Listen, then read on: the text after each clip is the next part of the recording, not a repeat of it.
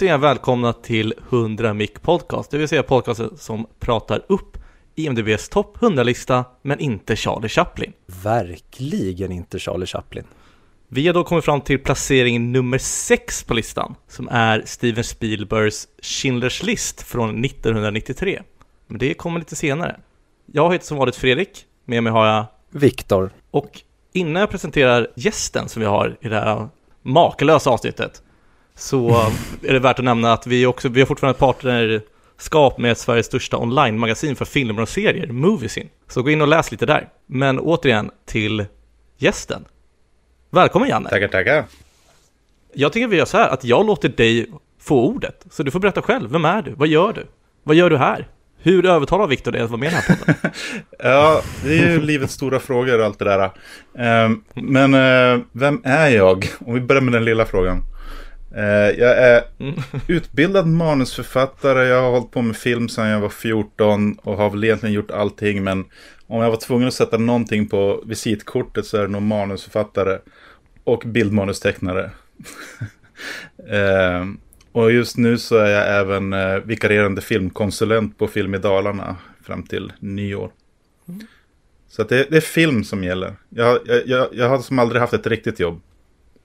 Vad gör man som eh, filmkonsulent? I mitt fall så jobbar jag med talangutveckling och, eh, så att unga filmare kan komma till mig eh, och söka pengar för sina första filmer.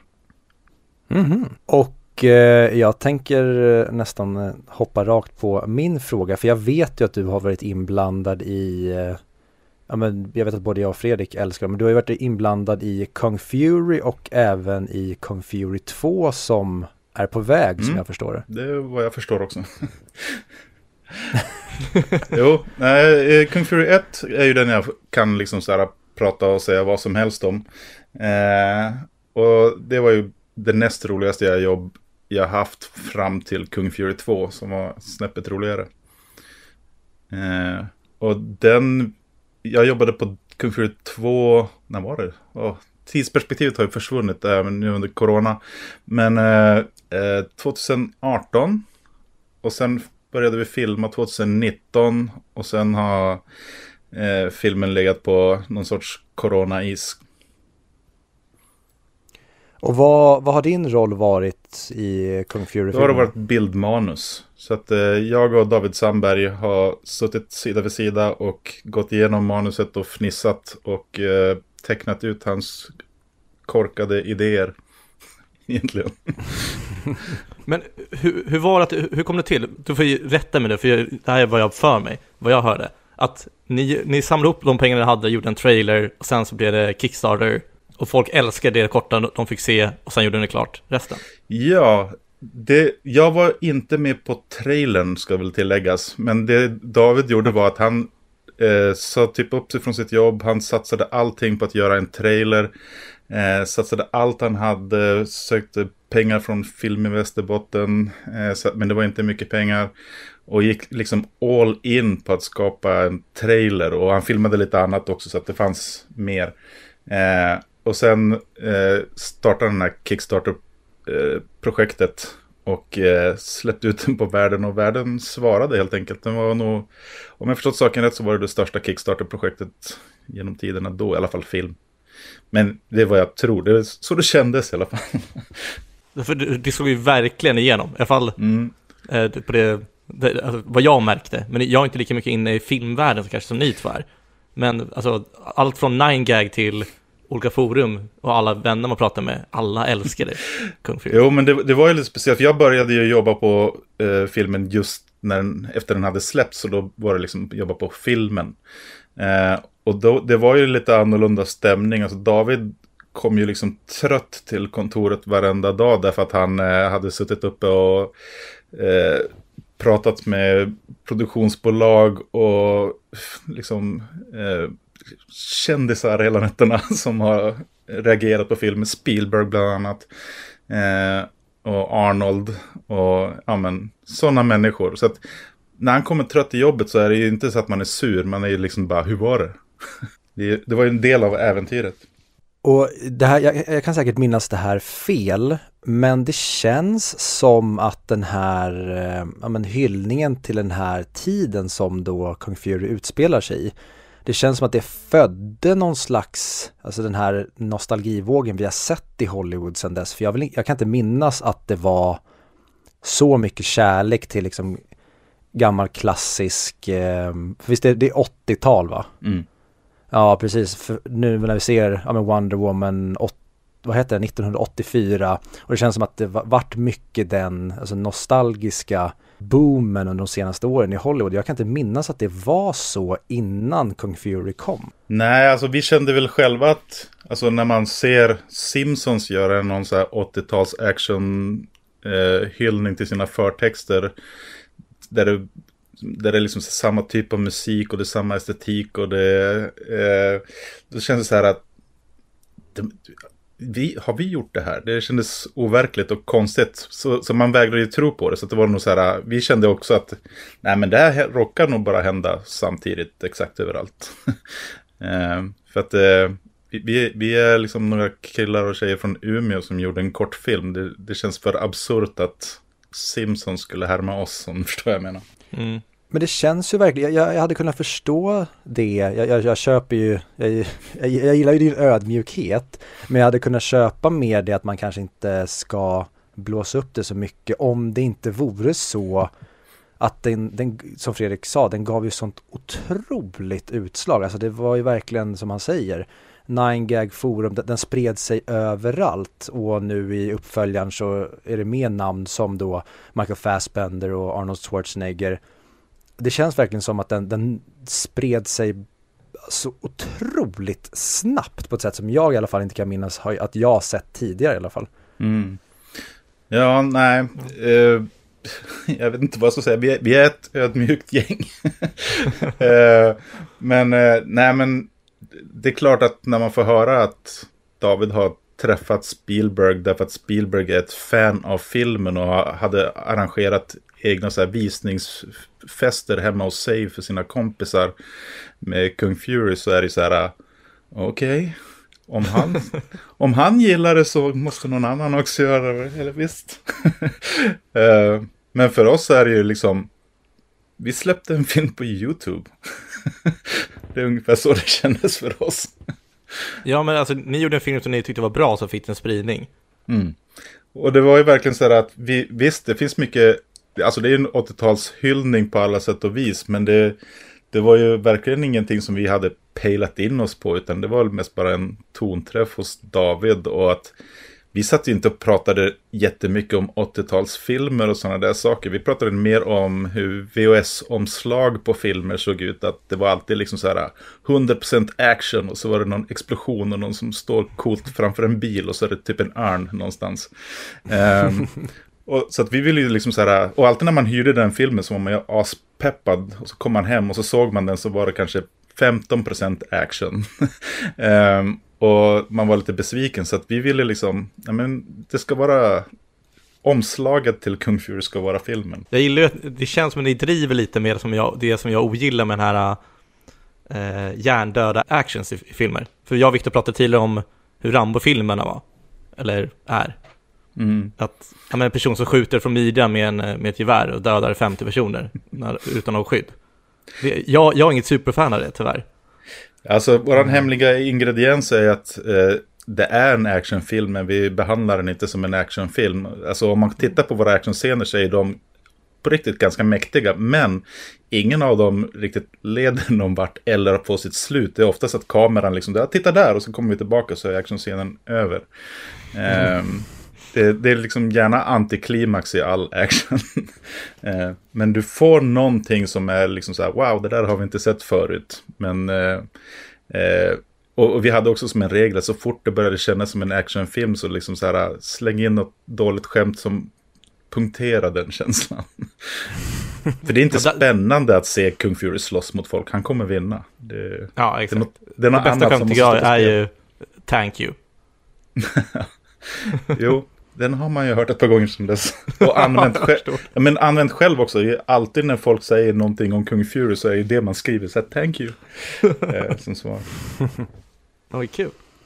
Eh, Ja, och när, när eh, kommer eh, tvåan då? Är det någon, någonting planerat nu eller är den fortfarande helt på is på grund av pandemin? Jag, jag har faktiskt, eller talat, riktigt dålig koll på det. För alltid när jag pratar med folk som är involverade i Kung Fury 2 så har jag någon som så här, liksom bara, vi pratar bara pepp, vi pratar bara om hur kul det är och sådana där saker. Och allting som har med förseningar och sånt där, det, det undviker jag. För jag vet att det är så himla många som pratar om det. så så ni, ni lyckas pricka den enda i teamet som inte har ställt en enda följdfråga om det där till de som kan svaret. ja. Den, vi, vi lär ju märka när det kommer ut, tänker jag. Ja, det, det, det, tror jag. Alltså, det, trailern släpptes så sa ju folk liksom, ah, det är en skitbra trailer men det kommer inte hålla till 30 minuter. Och sen gjorde vi 30 minuter eh, och det var ju liksom ett 30 minuters manus från början. Det var ju aldrig tänkt att bara vara en trailer som vi förlängde på något sätt som många trodde. Eh, och det är samma sak nu med tvåan, att den kommer, liksom, att folk säger, ja ah, okej, okay, kortfilmen var bra men den var 30 minuter, vi kommer inte, det kommer inte hålla till hur lång det nu blir, det vet jag inte ens. Eh, men jag, jag, tror nog att eh, folk kommer bli riktigt, riktigt överraskade av vad Kung Fury 2 är. Det är ett monster. Fan vad kul. Jag ser fram emot det. Mm -hmm. Ja, jag med. Men vad säger du Viktor, ska vi hoppa vidare till eh, del två i Lära känna Janne? Det tycker jag verkligen. Vi har ju ett segment som vi har snott från klassiska drickspel. Vi har eh, Fuck, Mary Kill. Där vi har egentligen bytt ut personer till filmer eller till filmvärdar eller regissörer och så vidare. Och du ska då få välja då en person, eh, fuck, marry och kill. Du får välja själv hur du ska tolka det. Du behöver inte tolka bokstavligen, mer metaforiskt kanske. Ja, helst. Ja, helst metaforiskt, bra. Ja, men det är ju lite märkligt om du säger att du, att du vill fuck Harry Potter. Då blir det på Eller mörda, jag vet inte vad som är märkligast faktiskt. det är sant det också. Eller gifta sig. Men eh, på tal om Harry Potter så har jag valt egentligen de tre, eller en av de tre största filmvärldarna som finns, enligt mig. Det är Star Wars, det är Sagan om ringen och det är Harry Potter. Och då får du tänka um, liksom i, i, sin helhet. Ja, men då är jag nog så tråkig så att jag, eh, jag dödar nog Harry Potter. För de filmerna, de klickar bara inte med mig. Jag kan se att det är bra, att det är ett världsbygge och sådär, men det är inte min grej. Eh, jag tror jag... Eh, vilka var de två andra? Det var Sagan om ringen Sagan och... Och Star Wars. Star Wars. Ja, men eh, jag tror jag... Eh, fuck får nog bli Star Wars. För att jag... Han Solo och fuck går hand i hand känns det som. mm -hmm. eh, Han Solo fucks. Eh, och eh, då får jag väl gifta mig med Sagan om ringen och det känns lite så här sagolikt och mysigt och det är väl så man vill ha ett giftermål. Vad har du för relation till dem? Nu, du sa du vad du har för relation till eh, Harry Potter, men vad har du för relation till eh, Sagan om ringen som filmuniversum och Star Wars? Jag, jag älskade ju Sagan om ringen-filmerna när de kom och liksom när de, uh, varje ny premiär så var det liksom på premiären. Det var tolvslaget på natten eller en minut över tolv tror jag premiärerna var. så då var jag alltid där och såg dem. Eh, såg fram emot det. Jag köpte samling, de här extended edition med extra material. Eh, älskade varenda sekund av dem. Men jag måste nog erkänna att Hobbit-filmerna har liksom fördärvat liksom så här suget eh, till att se om dem. Och jag vet att det är en stor skillnad men det är någonting med Hobbit-filmerna som gör att jag, jag ser hellre om något annat. Jag, jag provar hellre att se om Star Wars prequelserna än eh, ge mig på Sagan om ringen igen.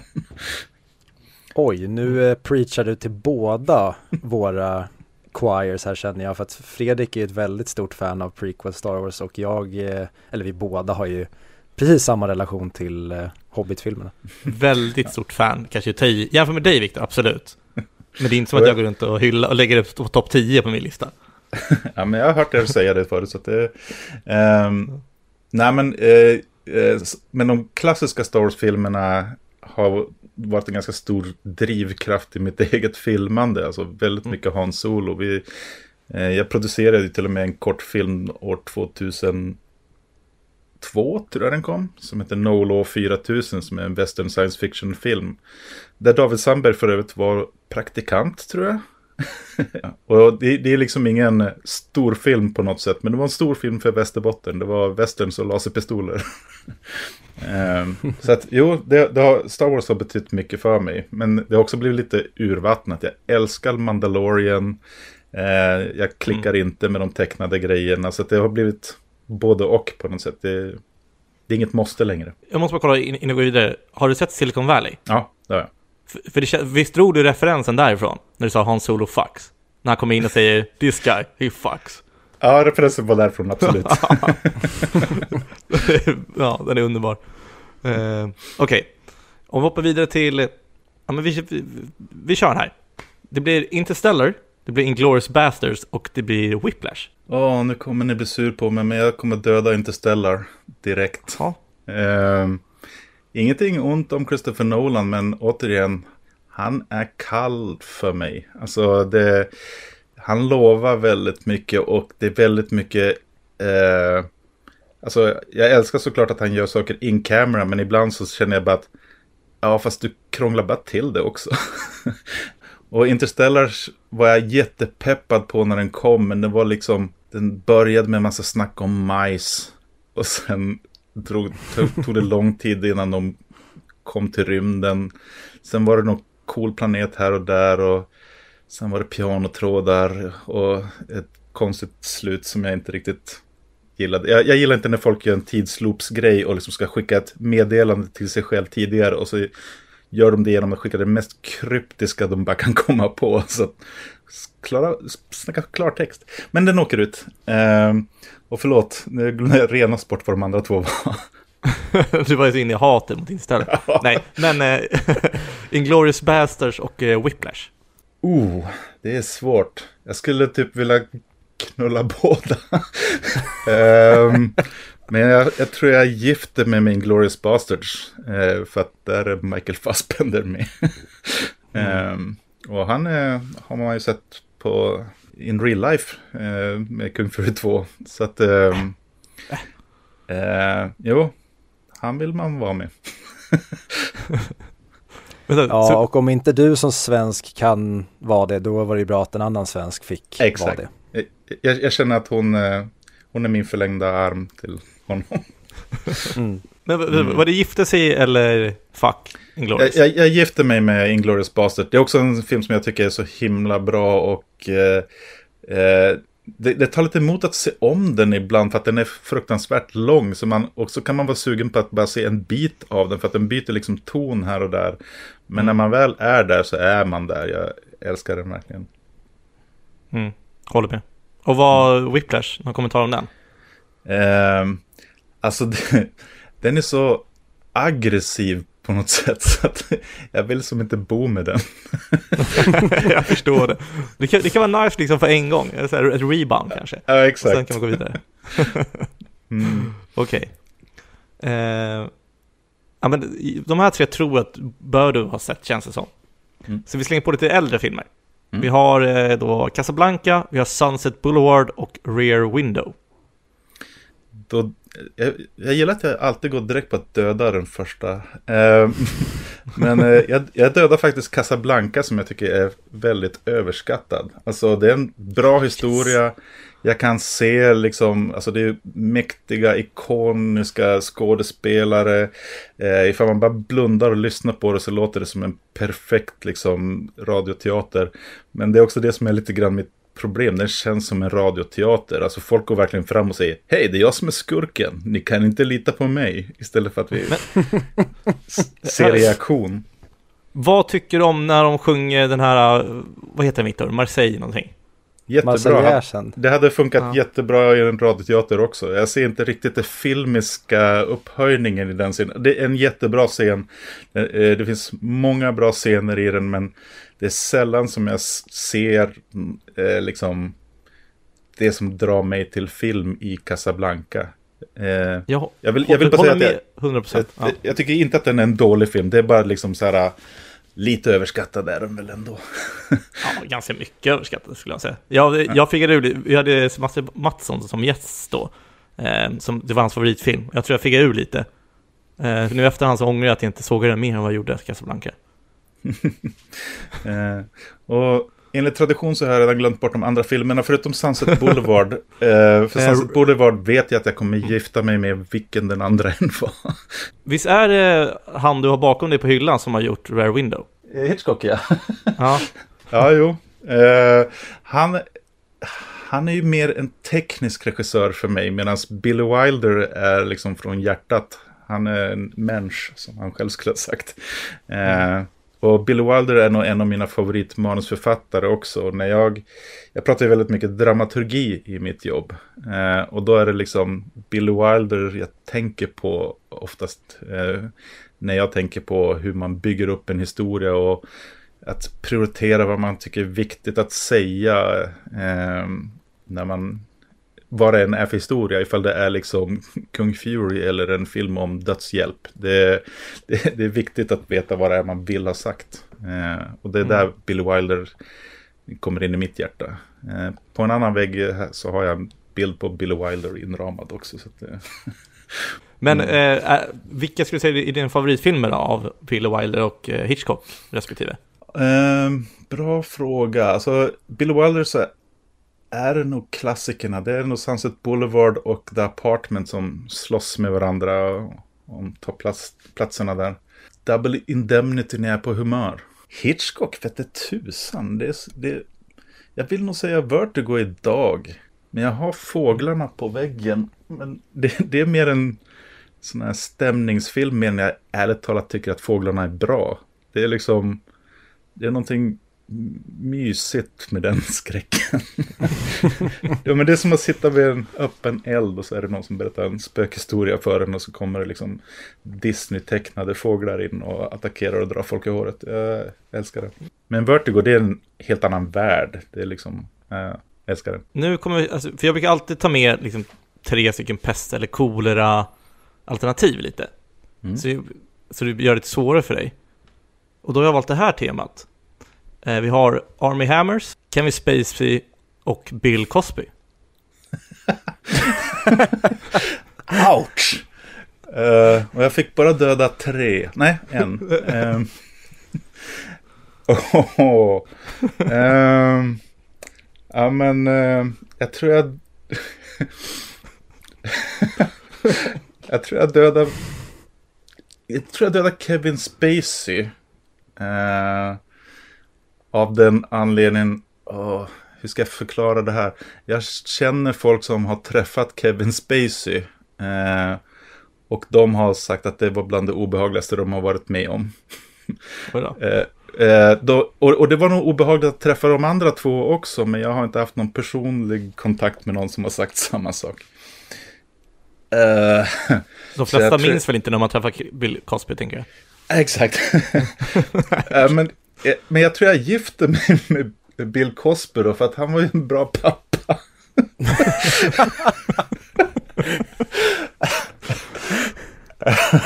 Ja, det var det jag skulle inf inflika med att eh, Kevin Spacey, där var väl ingen förvånad över hur jävla sjuk han sen, ja, tydligen även var bakom eller utanför kameran. Men de andra två, de var ju ändå, alltså Army Hammer har alltid känts sympatisk och får liksom spela ofta liksom den snygga snubben. Och Bill Cosby var liksom den amerikanska farsan. Så att eh, då kände jag ändå att Kevin Spacey, han, han kunde nästan få slippa undan där för att vi visste ju typ det om honom. Så jag, jag förstår dig, typ. Mm.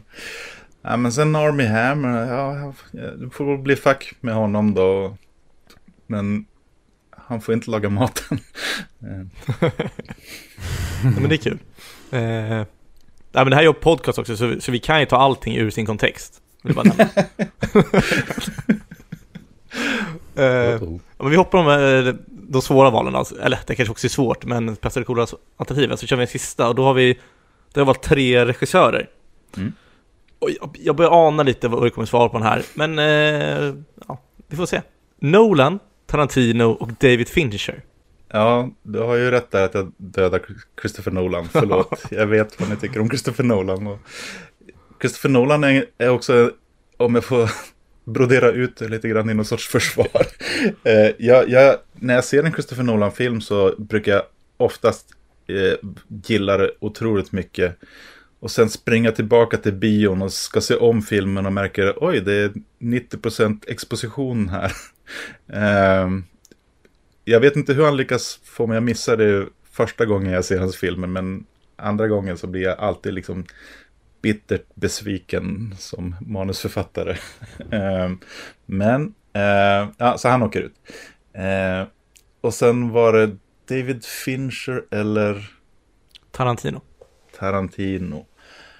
Um, jag tror nog att jag...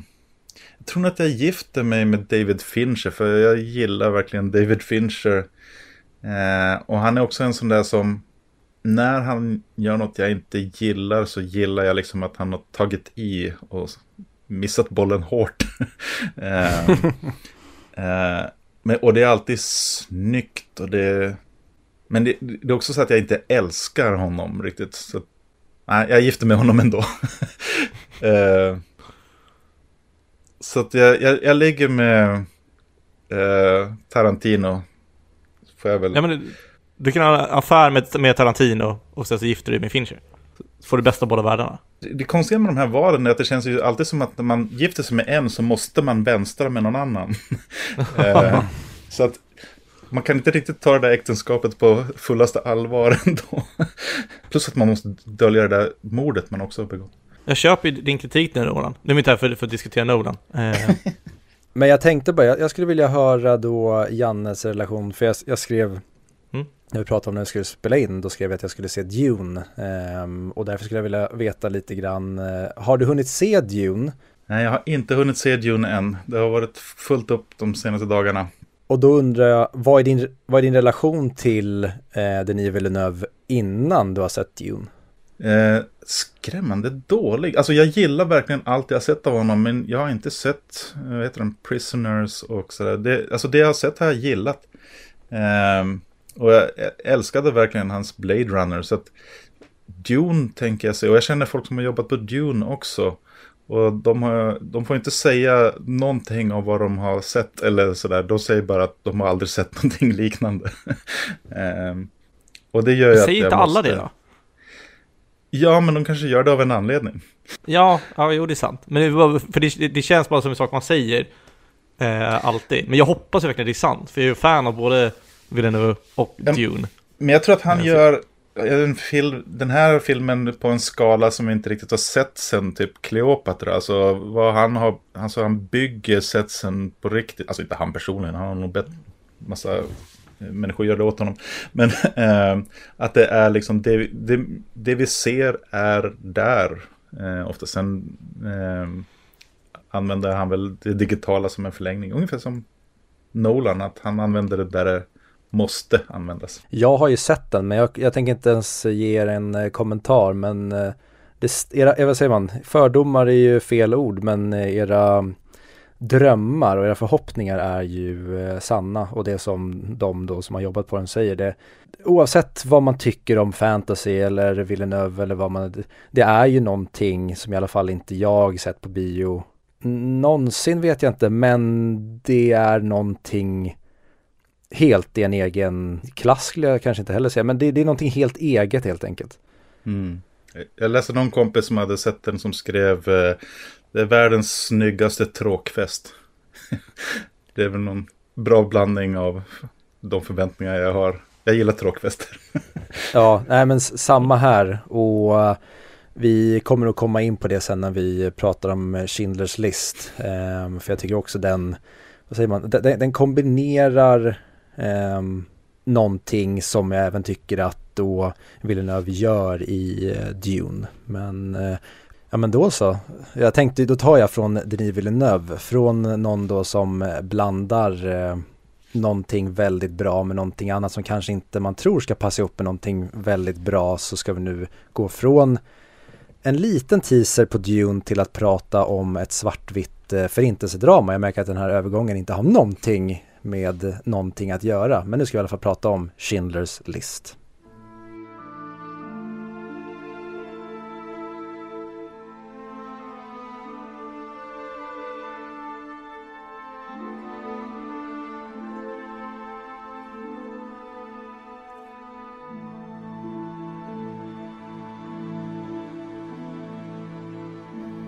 Och då var vi äntligen framme vid filmen.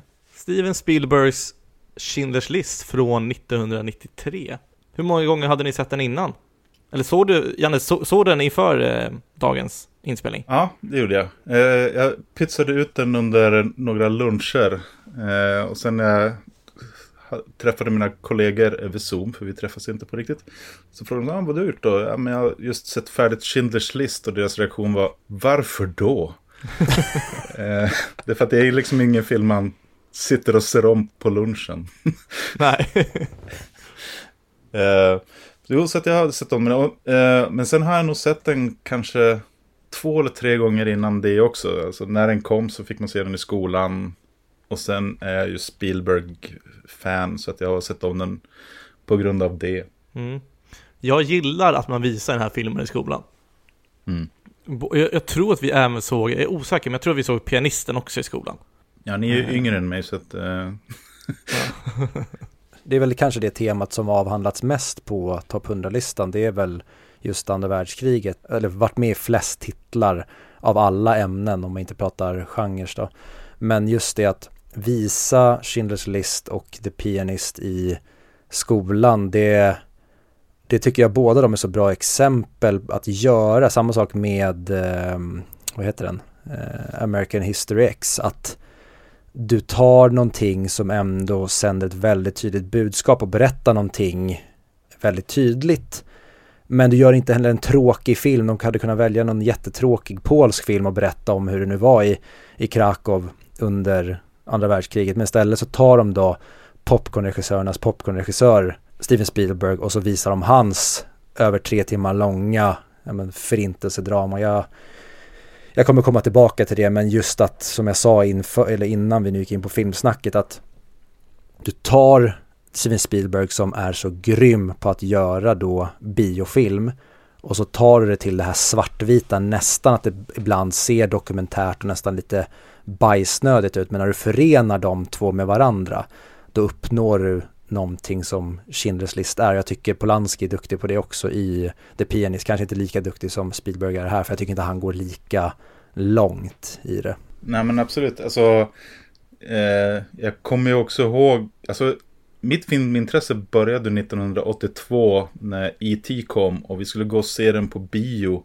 Och jag fick inte komma in för att det var 11-årsgräns på bio, eh, på den eh, i Sverige.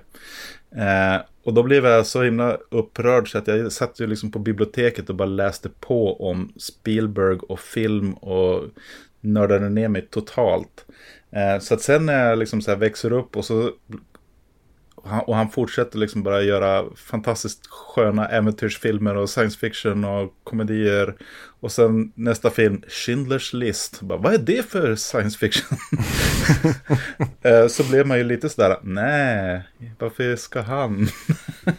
Eh, och jag tror att också väldigt många var tveksamma till honom som regissör till den. Och vad jag förstått så var han ju själv extremt tveksam till det för att han hade tydligen fått frågan, eh, han hade i alla fall fått boken eh, efter IT. Så att han har haft den ett bra tag och han har själv bara liksom, nej men jag är inte redo att göra en sån här film. Mm. Så att jag tror nog att han var redo när han väl gjorde den. Och han visste nog också vem han var. Så att han eh, kunde liksom ta en helt annan approach till den filmen. Eh, han gjorde, använde inget bildmanus vad jag förstått. Alltså att han eh, var på plats och improviserade mer på bilderna och för att få en mer dokumentärkänsla. Eh, men det krävde också att de byggde upp sets på ett mycket mer verkligt sätt och sådär. Eh, men jag tycker ändå att Spielberg var rätt person. Därför att som du säger, jag vet inte ifall så många skulle vilja se, se den filmen i skolan ifall det inte var Spielbergs nya film. Eh, mm. Men vet, vet, vet ni ifall man får se den fortfarande i skolan eller är det någon ny film som gäller?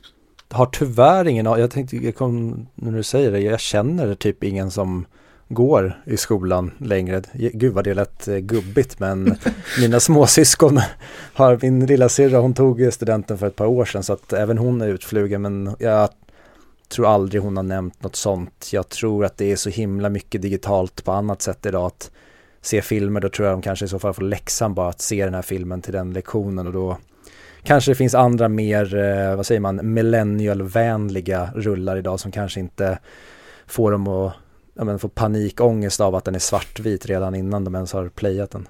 Jag tror att film är någonting man alltid älskar att tänka i skolan. Framförallt, man måste vara ganska gammal för att ta in den också. Det måste vara gymnasienivå känner jag nästan. Alltså ja och nej. Jag har alltid känt att när folk har tvingats se någonting i skolan så har de associerat filmen till att de har tvingats se den i skolan. Ja. eh, också. Så att eh, alltså när, när jag var liten så var en av mina favoritfilmer eh, Korpens, eh, vad heter den? Korpen flyger. Eh, och den fick vi se i skolan eh, i samband med att vi skulle lära oss om nordisk historia och sådär. Eh, och alla mina kompisar hatade den därför att de hade sett den i skolan. Eh, mm. Medan jag älskade den för att den hade knivkastning. ja men det är, för, det är sant det du säger. Jag tror det är ett dåligt sätt att få barn att ta in någonting, att tvinga dem att ta in det. Eh, jag kommer ihåg, vi, där jag gick i Dalskolan i Tyresö, då åkte vi alltid till Auschwitz. Vilket jag också tycker är bra. Oh, ja. Men då fattar man inte riktigt heller. Alltså det, det, det sorgliga med det, märkte jag.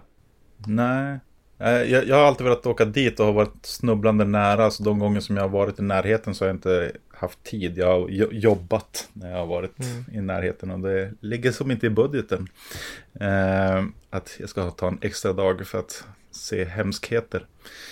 Jag har för mig att det var någon influencer som gjorde någon sån där groda att det var någon som typ hade, eller det kanske inte var en influencer, men jag har för mig att det var någon ändå, någon halvkändis eller någon från i alla fall en en känd organisation som hade ställt en fråga att hej, vi är ett tjejgäng som ska åka, eh, åka på semester eh, och vi tänkte besöka Auschwitz eh, och typ göra en tjejhelg. Har ni något bra typ så här kombo man kan göra?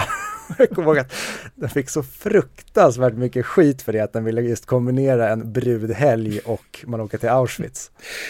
Alltså, ja, alltså det är, jag får ju liksom så här eh, smärtor i bröstet när du säger sådär. Men samtidigt så tänker jag också, det är kanske är så man ska nå ut idag. Alltså att man ska säga någonting sådär korkat så att folk liksom så reagerar och så att, nej men så där kan du inte säga. Mm. Så jag tror vi lär, lär oss snabbare över sociala medier så fort någon ger bort sig mer än när någon säger rätt saker nästan. Eh, så att det är kanske mm. så lärarna ska göra. ja. Du ska läsa upp dumma tweets som om det vore Jimmy Kimmel och så ska studenterna få rätta dem. Mm. Tillbaka till filmen då, för att just eh, Spielberg han erbjöd ju också Polanski att regissera Schindler's list, men eh, Polanski sa det att han var inte redo då. Och jag tror vi pratade om det också i The Pianist-avsnittet, just att det, han gör ju si, sin mer personliga Schindler's list sen i The Pianist. För jag visst var det så, nu känns det som att mitt minne är jättedåligt här, men visst var det så att Polanski bodde i, det kanske inte var just Krakow, men han bodde i Polen och flydde när ockupationen från tyskarna började. Oj, ja, det, det ringer klockor men det är ingenting jag vet. Eller så var det att de hade lyckats fly därifrån ett par år tidigare, att det kanske inte var så tätt inpå, men jag är för mig att mycket av The Pianist är just baserat på Polanskis eh, egna erfarenheter och vittnesmål från typ hans släktingar. Hur, hur gammal är karln? 76 år sedan. Men han är väl 80 plus nu, känns det ändå så. Det känns som Polanski borde vara väldigt gammal vid det här laget. Mm. Jag tror han är född 74. Nej, 93, men, äh, 33. är han född. 74 lätt. Ja. ja. Men kul också att eh, på tal då, eller på tal om när vi pratade om Harrison Ford tidigare, att Harrison Ford blev ju erbjuden att spela Oscar Schindler först, men valde ju att tacka nej på grund av att han, eh, då tycker jag är sån otroligt bra spelförståelse av honom. Han tackade nej på grund av att han var orolig för att folk skulle ha för mycket association till honom som Indiana Jones. Ja, det tror jag han hade rätt i. Alltså ifall jag skulle sett Harrison Ford spelar Oscar Schindler så hade jag ju förväntat mig liksom ett slagsmål med Göth vid, vid ett snurrande flygplan. Liksom. Mm. Um, så att, uh, ja det var nog tur. Alltså ingenting ont om Harrison Ford som skådis, jag gillar honom verkligen men han hade nog varit väldigt fel. Det, det, det är någonting väldigt bra med Liam Neeson i den där rollen också. Uh, för jag tror, jag hade såklart sett honom i någonting innan det. Men det var inte som att det var liksom så här, åh, det där är han från bla bla bla, vad det nu var för någonting. Så att det var ju Oscar Schindler man såg i filmen. och ingenting ja, annat. Och det tycker jag också att de, eh, en av filmens absolut starkaste delar, det är just, just, nu vet jag inte Ben Kingsley hur pass känd han var vid det här laget, men för mig i alla fall så är de enda jag känner igen idag, det är ju Liam Neeson, det är ju Ray Fiennes och det är Ben Kingsley. Resten för mig är helt i princip anonyma. Jag kan tänka mig att det var ännu mer så när filmen kom, att filmen är proppad av kanske inte superkända ansikten och det förstärker verkligen den här äkthetskänslan tillsammans med det svartvita, det väldigt dokumentära, det nästan, ja men som du sa att han inte hade ett bildmanus utan han han vill nästan göra en dokumentär som han sen skulle då få ihop till en, en spelfilm. Att han gick verkligen, han gick från sitt popcorn stall med Jurassic Park då till att då, ja men verkligen gå super down to earth som det bara gick. Mm. Alltså jag, jag, kände ju igen två av skådespelarna, Ben Kingsley, som, men det var liksom, ah, Gandhi. Eh. Men sen var det ju, vad heter hon, Embeth Davis, någonting? Eh, som spelar Guts eh, eh, servitris, vad säger man? Helen Hirsch. Ja, eh, för att hon är med i Army of Darkness. Så att det var verkligen en kontrast, de två filmerna. Alltså Evil Dead 3. Ehm, jag är ju liksom Sam Raimi-nörd. Eh, nästan mer än vad jag är Spielberg-nörd. Så att eh, för mig var det, ja det är hon från Army of Darkness. Vilket man kanske inte ska tänka. Nej, det, det var nog inte Stefans tanke i alla fall. Undrar om han ens hade sett Army of Darkness.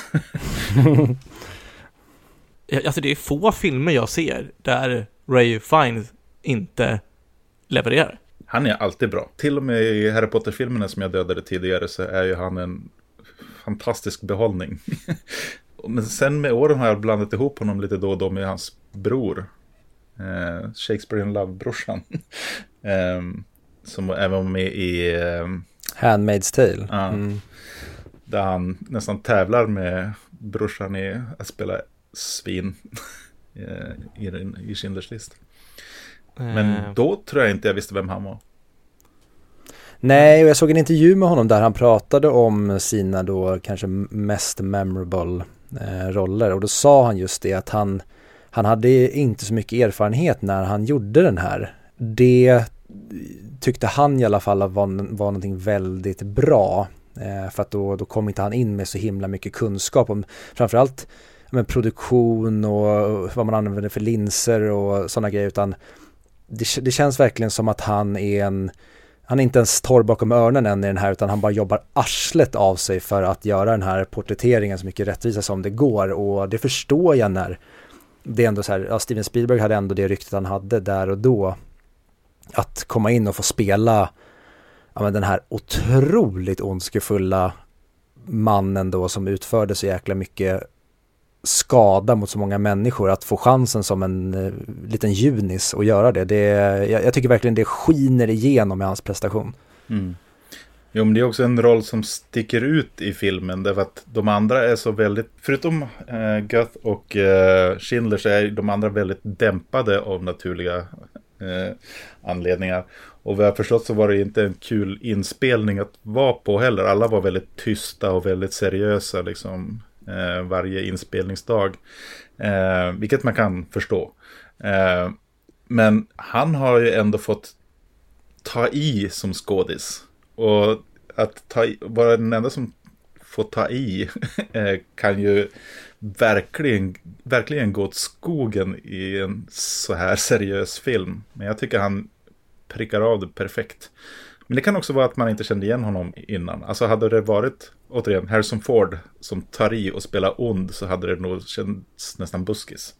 Mm -hmm. Men här var det liksom så här, nej men han är väl sådär. Mm. Alltså, vad tycker ni i början av filmen? Det man, när eh, allt från hur filmen börjar till när man första gången man får se Oscar Schindler. Jag älskar ju äh, hans öppningsscen. Äh, där han är på den här, vad är det, en klubb av något slag. Och han, han är filmad som Indiana Jones. Alltså Indiana Jones, första gången vi såg honom så är han nästan i silhuett eller filmad bakifrån. Vi får inte se hans ansikte förrän Eh, det är någon som försöker skjuta honom i ryggen och använder sig om och använder piskan. Då är första gången vi får se Indiana Jones ansikte. Det är en så här episk presentation av en karaktär. Och Spielberg gör samma sak med eh, Schindler. Att eh, när han kommer till den här klubben så ser vi bara hans rygg och hans händer som ger folk pengar. Eh, och sen när han väl sätter sig ner så är det liksom han är till och med ljussatt så att det är liksom bara en strimma ljus över hans ögon. Eh, allting är otroligt snyggt gjort och sen är det också en sån här skön manus, liten minihistoria. Eh, där, att när han går dit så säger man, men bjud dem där borta på vad det nu är för någonting, champagne och sådär. Och servitören frågar liksom, eh, vem ska säga att det är ifrån? Ja, från mig. Och sen ser vi liksom hur den där kvällen liksom blir liksom vildare och vildare. Det blir mer champagne, det blir mer musik, högre musik och hö, hög stämning. Och sen är det någon ny som kommer in och säger bara, vem är det där? Och, och svaret är liksom, men det är Oskar Schindler. Som att, det vet väl alla.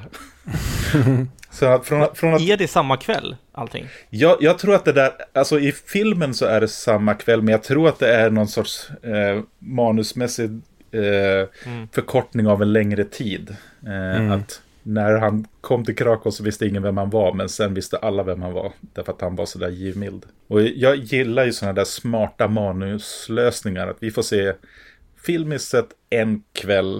Eh, men det är liksom säkert månader i speltid eller verklighet. Eller. Mm, för det har de ju även gjort med till exempel då i Jacques Stern att de har ju, han, det han gör i filmen var tydligen flera personer som utförde under den här tiden då, så att de, det gör de ju samma sak i eh, Johan Renks Tjernobyl, där de har blandat ihop då forskarteamet till, hon heter väl Emily Mortimer va, som spelar eh, fors, en av forskarna där. Och jag gillar verkligen när man gör sånt att okej, okay, nu har vi många här och det kan bli väldigt stökigt att porträttera, porträttera kan inte prata då, porträttera alla så att vi bakar ihop dem till en karaktär. Det, mm. det är synd att de inte kunde göra det i till exempel Hobbit, att vi behövde så här, okej, okay, en del av hela grejen med den här filmen eller den här boken, det är att det är just är 13 dvärgar, så vi kan inte göra det. Men den filmen hade ju mått i alla fall lite bättre av att man gjorde det och det gillar jag verkligen som då det där knepet med att det blir under en kväll. Samma sak med Ishak Stern och det, det tycker jag är så himla bra med den här för att jag har en komplicerad relation till Steven Spielberg, framförallt den senare moderna Steven Spielberg, men här vet han verkligen, han går rätt i varenda litet fotavtryck han gör. Samma sak med Oscar Schindler blir nästan han är där för att liksom, han, han, blir mytisk nästan då över, över en kväll och hur de då visar honom som du säger som Indiana Jones att vi är sugna på att veta vem det här är redan innan de andra är intresserade av att veta vem han är i den scenen redan. Mm också skönt att Spielberg vågar använda lite filmmagi här också. Så att vi, vi måste liksom på något sätt gilla den här mannen som garanterat skulle bli metooad idag. Mm -hmm. För att vi måste se hur charmig han var. Vi måste förstå varför liksom nazisterna eh, gillade honom. Varför han får chanser som inte andra får i filmen. Eh, och, eh, och att och det här med att slå ihop karaktärer som Ishak Stern eh, och jag tror det är några andra karaktärer också, är ju liksom eh, ekonomiskt berättande. Alltså man kan dra ut på saker i detalj, man skulle kunna göra Schindler's list till en eh, miniserie på tio timmes långa avsnitt om man så ville, för det finns ju mer historier, det ska gudarna veta. Eh, men det finns också en ekonomi som gör att det ska kännas bra för en skola att tvinga sina elever att se en tre timmars film. Det här är nog det bästa mellantinget om man säger så. Jag, jag brukar säga liksom att Eh, nu ska jag som inte avslöja mitt betyg för det vet jag vi kom till i slutet. Men eh, jag brukar säga att det enda negativa jag egentligen har att säga om Schindler's list eh, är att den är för perfekt. Det är någonting, det finns som inga bilder eller scener som jag känner liksom så här att ah, där sköt de i stolpen. det finns inga skavanker, eh, men jag kan tycka att sånt är också ganska tråkigt. Och sen är ju filmen otroligt viktig på ett sätt som nästan skadar den. Att man vill liksom inte prata om Schindler's list. man, Mm. Det är en film man måste se och förstå. Och sen vågar man inte säga någonting egentligen för att man är rädd för att säga någonting fel eller eh, att eh, man ska ha miss, missförstått någonting eller någonting. Ja, det, det är som perfekt tillagad medicin. Ja, När var det vi pratade om The Penis, Viktor? vad kan det ha varit? 20 avsnitt sen? Ja, placering 36. Ja, 30 avsnitt sen. Eh, jag tycker fortfarande att det är för nära på. Alltså, det, det är jobbigt att se den här filmen, tycker jag. Och se den så nära på eftersom man sätter penis också. Även som, jag tycker att Schindler's list är ju mer lättsam att se än penis. Den här blandar ju mer underhållande, man får se, alltså det är nästan ett heist han gör i början ju. För Mm. att eh, ta sig upp. Och det är ganska, det är ju kul att se, han, han är charmig, han lurar dem. Så den här blandar och ger lite mer, penis är ju mer deppig rakt igenom. Det är nog därför jag gillar den här så det är också så svårt för att jag får, man, sån, man får sån annan relation till filmer när man ser en film som kanske tacklar samma ämne. Jag vet att jag hyllade eh, The Pianist väldigt mycket när vi såg den. Men jag tycker att den blir väldigt blek i jämförelse med den här när man ser den här. För det är som ni säger att eh, Först tänkte jag att Schindler's list är en upplevelse men jag skulle mer säga att Schindler's list, det är någonting man utstår. Och jag gillar verkligen de delarna som du säger med att det finns en heist och det för att Schindler blir hela tiden ett tryggt ankare. Det känns hela tiden som att när, när allting där bara skiter sig mer och mer och det blir mer och mer brutalt då tycker jag verkligen att filmens hjälte Schindler, han, han, han vacklar aldrig och det tycker jag så himla mycket om med den här just när jag sa, kommer tillbaka till Steven Spielberg som popcornregissör och han går så himla åt det liksom svartvita inom citationstecken skitnödiga att den kombon är så perfekt balanserad här för vi får se de här otroligt mörka scenerna där allting känns så jävla hemskt. Men sen så får vi också de här som du säger heist-scenerna och att han är väldigt charmig och det, det blir mer liksom popcornfilm förklätt i ett väldigt pretentiöst skal. Jag är ju en sucker för bra dramaturgi och en typ av historieberättande som jag gillar är eh, spindeln i nätet. Det kan vara en huvudkaraktär som inte nödvändigtvis utvecklas själv men den utvecklar andra på vägen och tar oss igenom en ny värld där vi träffar eh, karaktärer och sådär. Och jag, jag tycker att eh, det här manuset känns som en spindeln i näten historia för att jag tror att grundviljan att berätta den här historien är att berätta alla eh, eh, Schindlerjudarnas eh, deras historia, att eh, fånga det.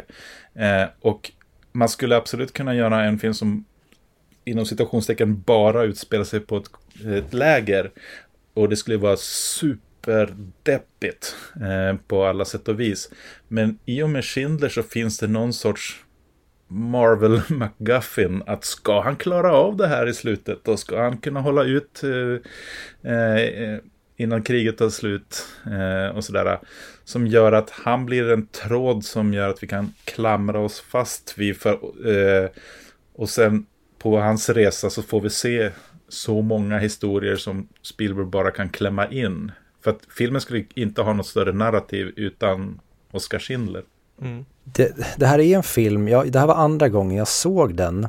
Och första gången jag såg den så tyckte jag också väldigt mycket om den. Men när jag tänkt på den så är det en film som att säga nej, gud vad, den, den känns tråkig, den känns seg. Men återigen, det är ju bara att man blir lurad av skalet. För att jag älskar den så otroligt mycket mer för att den inte har färg.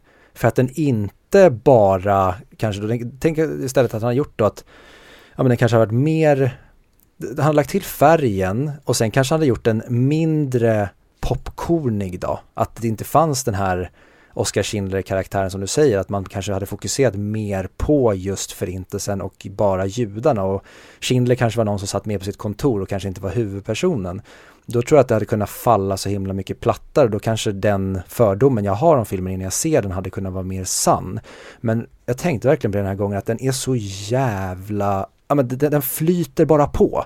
Den blir aldrig tråkig utan att, och den springer inte heller iväg utan den tar sin tid men den vet hela tiden när vi måste vidare så att det är ju verkligen återigen en popcornfilm förklätt i någonting helt annat och det tycker jag verkligen är helt och hållet till filmens bästa.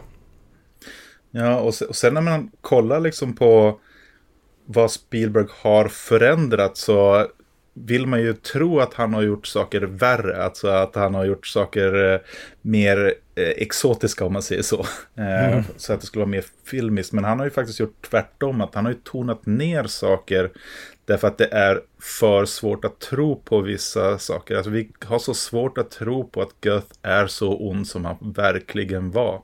Mm. Som den här scenen med att när han Goth frågar liksom, vem är det som har snott den här hönan?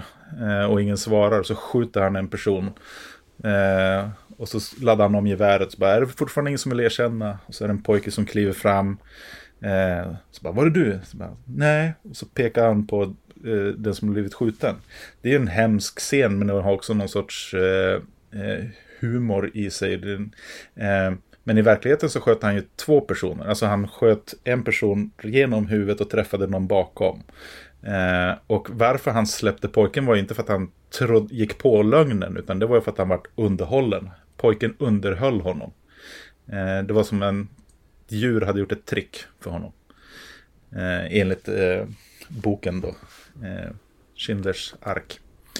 Eh, och när, när, man ser det så är det liksom Spielberg vet vad som funkar på film eller inte. Och någonting som inte funkar på film alltid är verkligheten.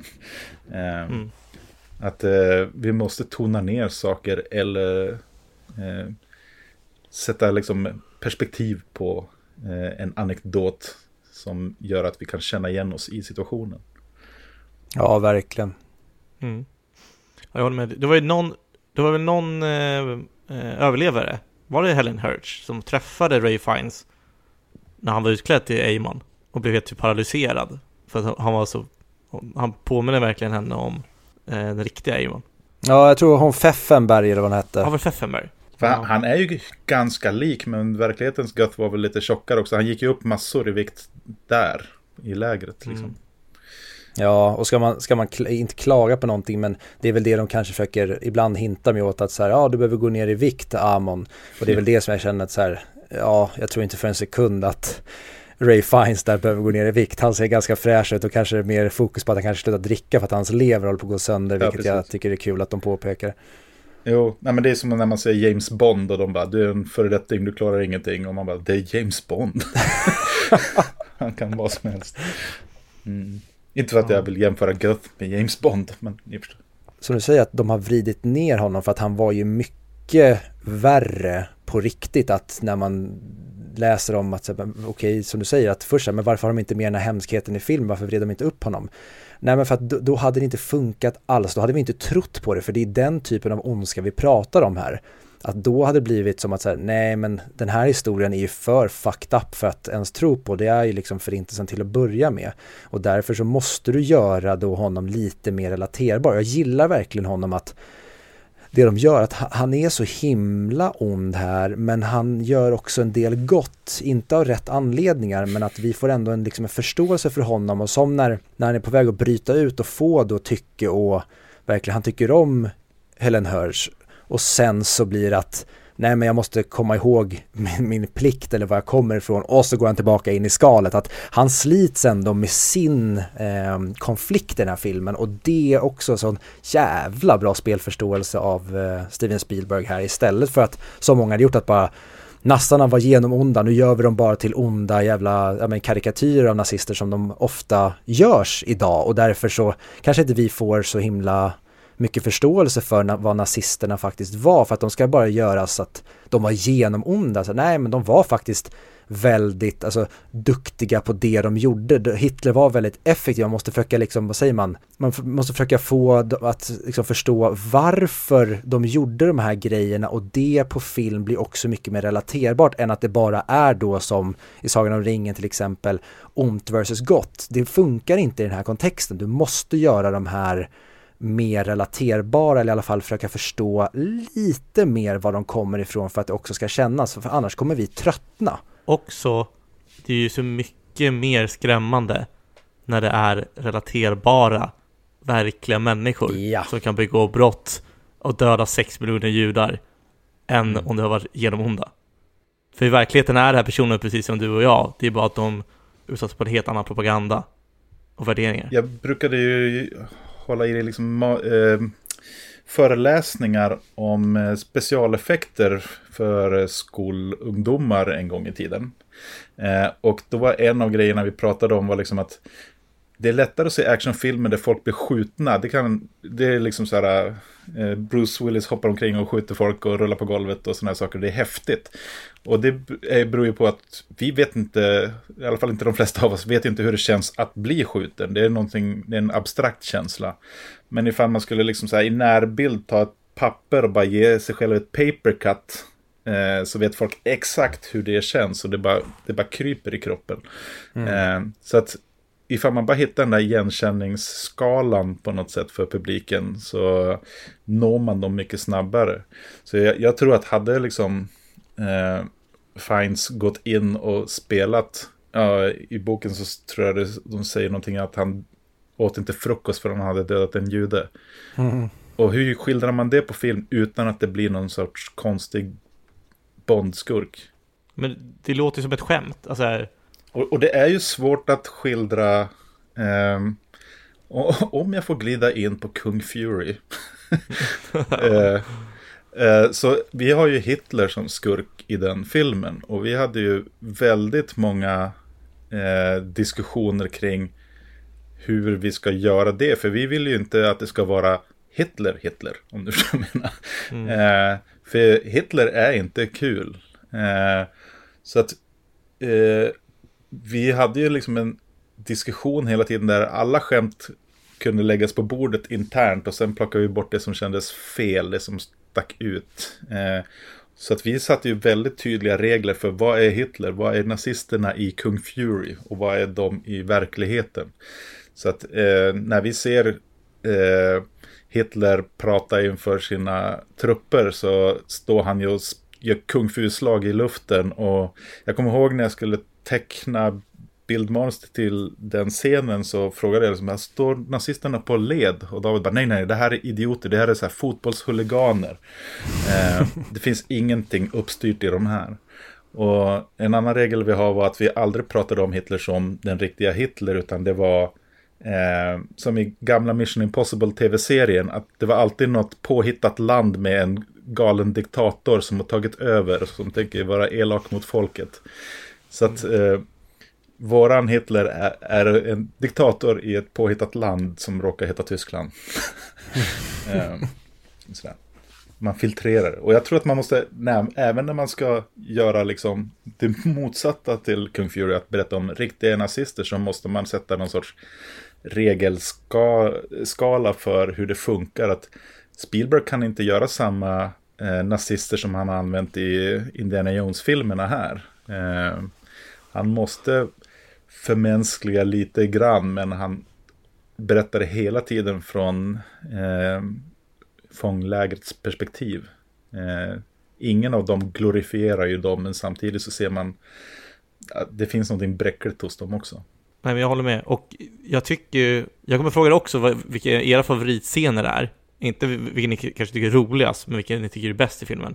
Men jag älskar ju verkligen när Schindler övertalar Amon att alltså riktig power är, är när man benådar någon snarare än dödar. Och när han kollar in i spegeln och säger, vad nu han säger, jag benådar dig. Och så står han med sitt mm. finger och känner sig som en gud nästan, får jag känslan av. Jag, jag, jag tycker det är en cool twist på att utforska, för man får ju lära sig mer om Amon då. Att han är verkligen sjuk i huvudet. Mm. Och, och, jag vet inte hur länge hans uh, försök att vara god håller, men det känns som att det mm. är en dag återigen. Ja. uh, uh, men jag, det, det, är nog, det, det, är så många små historier som jag älskar i filmen. och det där är absolut en av dem. den andra är pojken med hönan. Mm. Det här, okay, det här är en rolig scen. men det har mer att göra med Spielberg och att han vågar visa Schindler som ett svin också. Och det är när han ska eh, anställa en sekreterare. Så är det som ett collage där, där de eh, gör en anställningsintervju. Och Spielberg använder någon sorts Eisensteins klippning där eh, för varje ny sekreterare som eh, är på intervju så blir varje tjej sämre och sämre på att skriva men de blir flörtigare och flörtigare med Schindler. Medan Schindler för varje klipp kommer närmare och närmare dem och ler och ler. Tills till slut så kommer det en kvinna som är äldre, helt ointresserad av Schindler och skriver fantastiskt bra med en cigarett i mungipan och då är Oscar totalt ointresserad. Eh, mm. Och det som är som en minikomisk historia eh, och han anställer allihopa. Eh, eh, som bara är liksom ett karaktärsdrag. Det är en eh, sidoplott som kanske inte leder någon vart men eh, det händer ju och det är kul gestaltat. Mm. Eh, ja, verkligen. Men om man då ska gå in lite mer på Oscar Schindler då, för att jag fick ju för mig inför den här titeln att det var mer att han, han hela tiden ville rädda judarna. Men jag tyckte också så himla mycket om nu att det var att han kommer in med väldigt liksom egoistiska och kapitalistiska incitament i det här. Och sen växer det till någonting annat under tiden. Att han är ju en helt annan typ av Oscar Schindler i början versus i slutet. Och jag gillar hur otroligt jävla väl Spielberg gör Oscar Schindlers resa. Ja, i början är han ju bara en opportunist. Alltså han mm. gör det för att tjäna pengar. Det är gratis arbetskraft. Eh, och han tjänade väl jättemycket pengar där i början också. Men sen är det ju den här klassiska scenen med flickan i rött och eh, gettot som rensas eh, ut. Eh, och enligt Spielberg i någon intervju jag såg med honom från 2018 eh, så sa han att det var att Schindler såg ju den här flickan. Eh, eller han såg en flicka som nazisterna bara missade. Hon gick bara igenom eh, eländet. Eh, men att det var också den dagen som förändrade Schindler. Att det var därifrån, där han gick från att vara liksom bara tjäna pengar till shit, kan jag göra någonting mer? Mm. Och det är ju en båge som Spielberg spänner, alltså för att det tar ju ett tag innan Oscar faktiskt hjälper någon. eh, han, han, är ju absolut skildrad som någon som i nazistpartiet för att det skulle man vara, känns det som. Eh, och det känns som att han också var det för att tjäna pengar.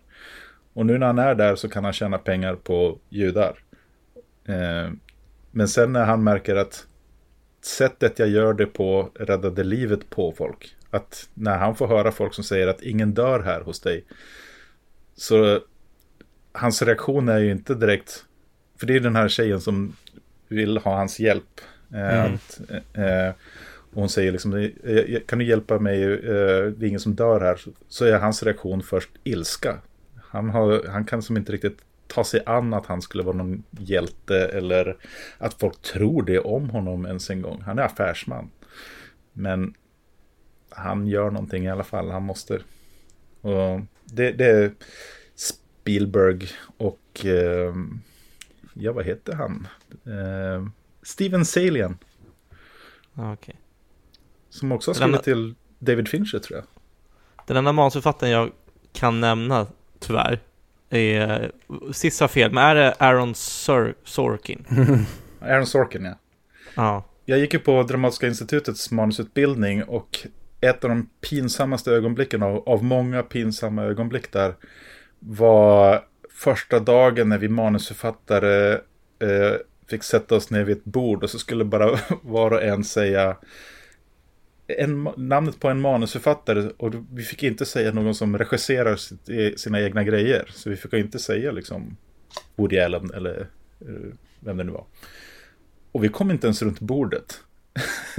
och vi var manusförfattare. Vi, vi ska spendera tre och ett halvt år på den här utbildningen och vi kan inte ens nämna fyra manusförfattare tillsammans.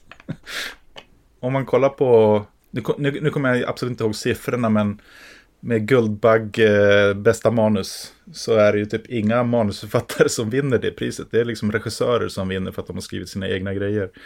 Eh, och det är ju jäkligt konstigt, men det är också att industrin har liksom så här eh, valt den vägen att eh, åh, den här regissören verkar bra, vi låter honom skriva sin egen film. Men kan Och vi inte göra en hashtag för det då? Uh, vad skulle det vara för hashtag? Men ja, det tycker jag. Skriv inte själv. Men det är så himla många, eftersom jag pratar med väldigt många filmer och jag pratar med väldigt många regissörer som skriver sina egna grejer och, och så kommer de till mig som dramaturg. Är liksom att de, de kanske inte säger det rakt ut, men de hatar ju att skriva manus. Det är ett nödvändigt ont. Men, eh, och jag tycker liksom, ja, men ta in någon som älskar det. Ehm, det. Det finns många av oss där ute. Men hur, hur är det? Är- det en allmän känd regel det här med att till exempel du ska aldrig eh, låta en person berätta sin story för dig som författare utan det är en person som ska berätta sin story för någon och den personen i sin tur ska berätta storyn för författaren som sen skriver någonting utav den. Att det, det måste passera ett led för att det ska bli så bra som möjligt. Eller det är bara någon slags skröna jag har hört. Nej, jag, jag, tror, jag tror nog att det bara, som Ingmar Stenmark sa, det är bara kör på något sätt. alltså, när, när regissörer kommer till en manusförfattare så är det fantastiskt, men det händer så sällan. eh, Mm. Manusförfattare jagar regissörer eh, snarare. Men nej, jag, jag tror att hela, alltså alltid när jag har jobbat i ett kreativt team så att säga så sitter liksom vi tillsammans och försöker komma fram till vad som är bäst. Då måste alla vara med på samma sida så att vi försöker som inte hålla hemliga visioner för varandra eller hemliga visioner för den delen. Okej. Eh, för att testa er tvås kreativitet. No shit. Eh, för, vi, för vi pratar om Schindler's list. Om det hade funnits en eh, Jannes lista, vad vad vad hade din lista varit Janne? Alltså är det folk som jag ska rädda livet på? Nej men det kan vara vad som helst. Om, du, om det var en lista, Jannes lista, vad hade den varit på? Av någon anledning det är enda namn som dyker upp och det är bara för att jag sitter med er är Charlie Chaplin. eh, som jag tycker ni ska, borde prova på någon gång. Eh, men samtidigt, Chaplin skulle också blivit metooad idag. Det känns som att alltså, halva samhället hade blivit metooad idag. För det var, det, det är Men- som en komiker sa, tycker jag väldigt bra om det där. Är att liksom så här, man kan inte döma folk för vad de gjorde förr i tiden, eller för vad komikern vad de sa. För komikers jobb är att, här har vi gränsen. Deras jobb är att gå så nära den gränsen som möjligt, men inte passera den. Men om man sedan flyttar gränsen tio år senare, Mm. så kan man inte säga, men ni sa ju det här, jo men då var gränsen här. Idag kommer jag inte säga det, för nu är gränsen här. Eh, och jag Ja. tänker det är lite som med... Alltså, jag känner ändå att Chaplin, han eh, hade en förkärlek för väldigt, väldigt unga flickor. Okej, Eh, det där vet och inte den jag grä- om. gränsen tror jag det låg där den låg redan då. Ja, okej, okej. I och för sig, han gifte sig med dem allihopa, men eh, det är en annan sak. Mm. Ehm, nej, vad, vad är Jannes lista? När man frågar någon på gatan, liksom så här, vad är det viktigaste regeringen måste göra nu? Så kanske någon svarar, vi måste fixa groparna i gatorna och då är det för att den personen jobbar på Vägverket. Eh, Mm. Någon annan svarar liksom så här, men vården, då kanske den personen jobbar inom vården. Alltså, man, man är ju i sin bubbla och min bubbla är ju film. Så att min lista skulle vara liksom manusförfattare eller bra berättare. Jag drar som inte någon större gräns på manusförfattare eller regissörer för den delen. Men Billy Wilder, Charlie Chaplin. det vart en kort lista. Jag trodde jag hade en spontan lång harang. Ja, men, jag gillar det. Din lista ha- hade handlat om kreatörer kan man säga, fast i filmvärlden. Men, men om man tar kreatörer som har betytt någonting för mig, om man går den vägen. Ja. så eh, måste jag slänga in David Cronenberg, unga Kevin Smith. Det är en stor skillnad på unga och gamla. Eh, och eh, Sam Raimi, Sam Raimi. Victor, vad hade din lista handlat om? Direkt när du frågade, då började jag tänka så här, okej men o- om, nu, nu skulle jag vara kreativ och det första jag kom på var så här, vad gillar jag att äta för någonting? jag, ska skriva, jag ska skriva en lista på, hmm, vad tycker jag är gott att äta? Men om vi då ska kanske hålla oss lite i filmhållet och jag tänker på så här, okej men om, om listan då kan representera någonting som jag gör som jag tycker är viktigt, då skulle ju för mig skulle det vara den som nu regeringen verkar ha ändrat på, eller i alla fall ska på något sätt gå i rätt riktning i, det är just det att underlätta för produktionen att spela in i Sverige. För det hade varit så jäkla balt att se fler internationella produktioner spela in sina filmer i Sverige. Så min lista hade ju varit liksom punkter med sådana saker jag hade velat se för att Sverige skulle kunna göra bättre film och i och med att då vi kanske får in mer internationella produktioner i Sverige då kanske man också skulle få fler då inom citationstecken studiebesök eller vi kanske får ut fler liksom svenska filmskapare som lär sig av internationella filmskapare och på så sätt kanske vi skulle höja den svenska standarden på filmer vilket jag tycker är typ helt eh, icke-existerande. Eller bara så att vi skulle, kanske en lista, en punkt som också skulle vara det att börja göra bra filmer, bra berättelser snarare än signalera att det kanske är goda berättelser eller viktiga berättelser utan gör bra filmer istället. Det är väl kanske mina punkter på min lista om jag bara ska dra någonting ur hatten. Tack vända till dig Janne, för vi har pratat om det tidigare. Att Sverige, det, det känns Sverige har lite mer agenda bakom sig i filmerna. Så tar man till exempel filmen Druck eller Another Round, danska med Mats Mikkelsen och Thomas Winterberg det känns, den har ju egentligen ingen moral i sig, känns det som. Det känns som mm. att den bara är en historia, så får man tolka den lite hur man vill. Nej, men jag har alltid tjatat om lite grann motsatsen. vad, du okay. sa. uh, vad Viktor sa. Uh, att uh, jag skulle efterlysa mer dålig film. Och det låter ju fel såklart.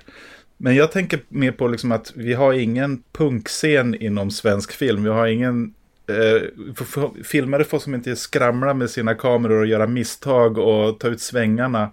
Men om man bara kollar kommersiellt på liksom de mest inkomstbringande filmerna i, i USA eller många av filmerna på IMDBs topp 100 så är ju folk som har kommit från att jobba med Roger Corman. Alltså som gjorde B-filmer på 60-talet.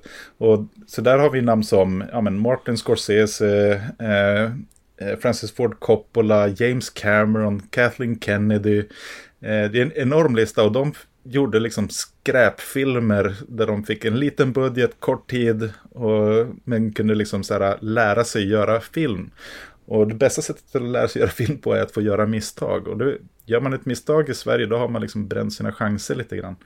Så att jag skulle gärna vilja se att vi hade liksom någon galning som bara liksom massproducerade filmer. Men i den massproduktionen också massproducerade duktiga filmmakare. Eh, för då tror jag att vi mm. kommer få våran, vi har ju ingen svensk Scorsese eller någonting. Eh, vi har ju ingen svensk med, eh, jag höll på att säga, vi har ingen svensk med egen röst, men det har vi absolut, men eh, vi ser ju inte de filmerna. Nej, men, men samtidigt, jag, jag, tycker inte det som du och jag sa, vad säger man, det, det går inte mot varandra Nej. utan jag är helt med på ditt spår.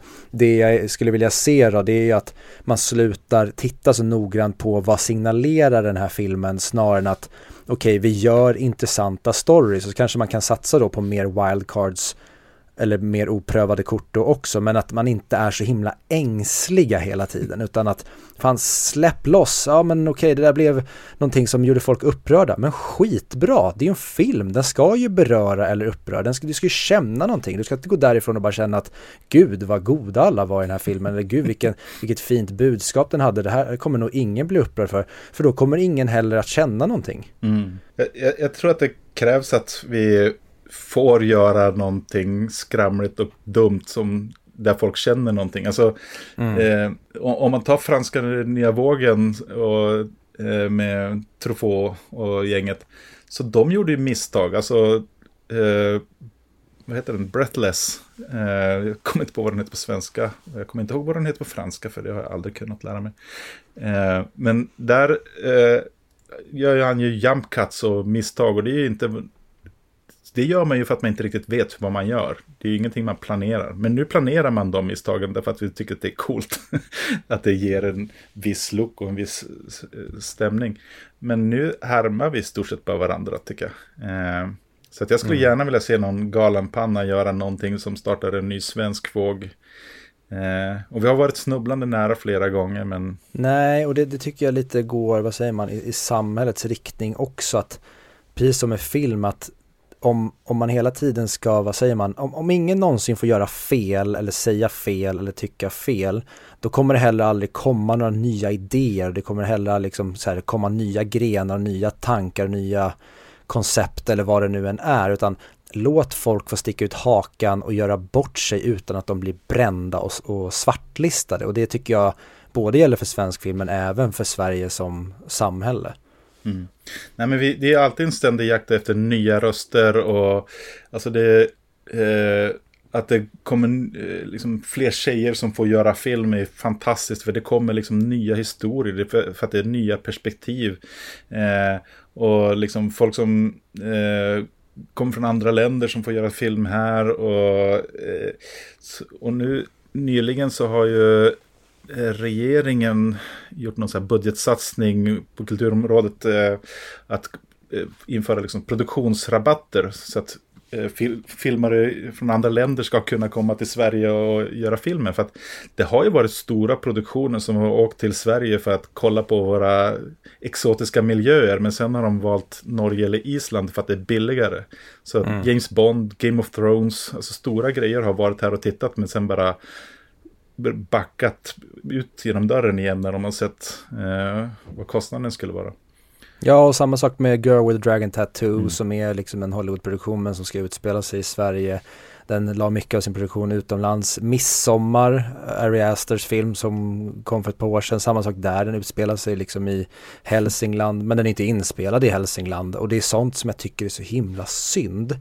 För det är ju också att, tänk om du bara som liten pojke eller flicka, du, du får höra att ah, i, i min lilla småstad det kommer komma en, en filmproduktion hit och de kommer spela in en en stor actionscen här så går du dit och då kanske föder att du blir superförälskad i liksom filmproduktion, tycker det var det häftigaste du sett. Och sen så föder det en dröm och så vill du jobba med film. Och så puff, ja ah, den personen 30 år senare, det blev den svenska Scorsese. Att vi på något sätt, genom att vi uppmuntrar till sådana saker, det kanske föder helt nya saker som man inte kan kalkylera för utan det blir någonting som bara föds på grund av att det råkade vara det lilla fröet som fanns på just den platsen vid just det tillfället. Men finns inte fröet där eller åkern och så på, nej men då kommer det aldrig växa någonting heller. Ja, nej men alltså David Sandberg sa ju själv till mig att, eh, att vara på inspelningen av Nolo 4000, eh, western science fiction-filmen som nästan ingen har sett, eh, betydde väldigt mycket för honom därför att han kunde inte fatta liksom att han, det var rymdvarelser och laserpistoler och eh, byggda futuristiska eh, western eh, miljöer som var, och miniatyrer och grejer. Alltså han trodde inte att man fick göra det i Sverige och det fick man väl inte, vi bara gjorde det. Men mm. eh, Kung Fury i, i, sig har också inspirerat folk att göra sina egna filmer. Eh, alltså jag undrar hur mycket green screen-industrin har tjänat på Kung Fury. Eh, och, och, det är också så här skrämmande. Vi filmade ju stora delar av Kung Fury 2 i Bulgarien och Tyskland. Eh, och sen när man... Och, och, av naturliga skäl, vi, det är en större film. Men vi hade ju kunnat göra filmen som första filmen med en green screen på ett kontor. eh, men det hade nog varit... Eh, det hade inte blivit lika bra. Vi hade ju gärna filmat filmen på stor skala i Sverige också, men det finns ju inte på den ekonomiska kartan. Det är mycket billigare att åka till Bulgarien Mm. Jag tänker innan vi börjar kanske runda av allting så tänkte jag fråga er, vad har ni för kritik till den? Eller vad hade ni velat göra annorlunda? Förutom ja. att den är för perfekt. Förutom att den är för perfekt. Nej men, äh, även en perfekt film. Alltså min absoluta favoritfilm genom tiderna är ju Chaplins äh, pojke. Eh, och den är ju inte en felfri film på något sätt. Och eh, om jag kollar på Schindler's list så är det ju lite grann Eh, det som jag tycker är filmens styrka är också filmens... Alltså, det är ju en white savior-film. Alltså, för att vi ska kunna liksom komma in i den här historien så måste vi följa en vit man som räddar judar. Eh, men jag såg mig också svårt att se det som någonting eh, felaktigt, för det, det, var ju så det gick till. Det ironiska är ju att om inte Oskar Schindler hade varit nazist så hade han inte kunnat rädda de här människorna. Eh, mm. eh, och hade han, hade han varit jude så hade han suttit i lägret själv och säkert dött först. Eh, han känns inte som en människa som hade kunnat jobba så bra. Eh, så att, åh, annars, nej, det är väl det. Mm. Du då, Viktor? Ja, men just det, det som du säger eh, med den här White Savior, det tycker jag också är en del av liksom filmens styrka att som du säger, på grund av att han var nazist och på grund av att han var en vit man, då hade han rätt eh, redan direkt på sig liksom från födseln som gjorde att du inte kommer bli då sållad bara på grund av din eh, etnicitet eller vad du har för härkomst. Vilket gjorde att han, han hela tiden gick runt i ja, men en stormtrooper-dräkt hela tiden och bara utförde sina grejer för att han bar rätt uniform. Och det gillar jag också så jäkla mycket att han, han gör någonting väldigt stort med det han har fått. Det blev nästan lite för arketypiskt där att han, han är, nu, nu är han född in i liksom, vad säger man, den nazistiska drömbilden. Men sen gör han någonting väldigt liksom heroiskt med hela de, hela, med alla de förutsättningar han, han har. Mm. Ja, alltså visst, man hade kunnat göra honom till ett ännu större svin i början av filmen för att spänna bågen längre, men mm. eh, det hade också gjort filmen längre tror jag. Det hade kunnat falla så platt om vi hade gjort honom skitigare från början, utan nu, nu var han skitig på ett visst typ av sätt, men inte så skitig som många av de andra där. Men den kritiken jag har egentligen, det, det är verkligen pettet, alltså när vi kommer till nitpicking.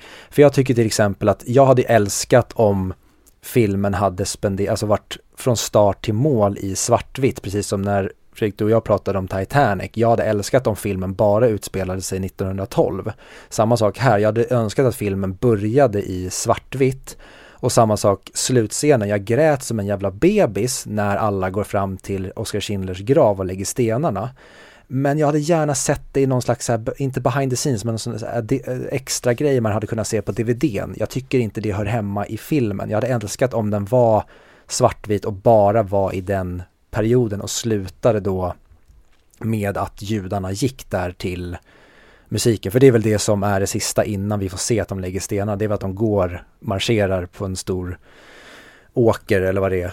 Ja, ja och nej. Alltså jag håller med dig. Alltså är det någonting jag...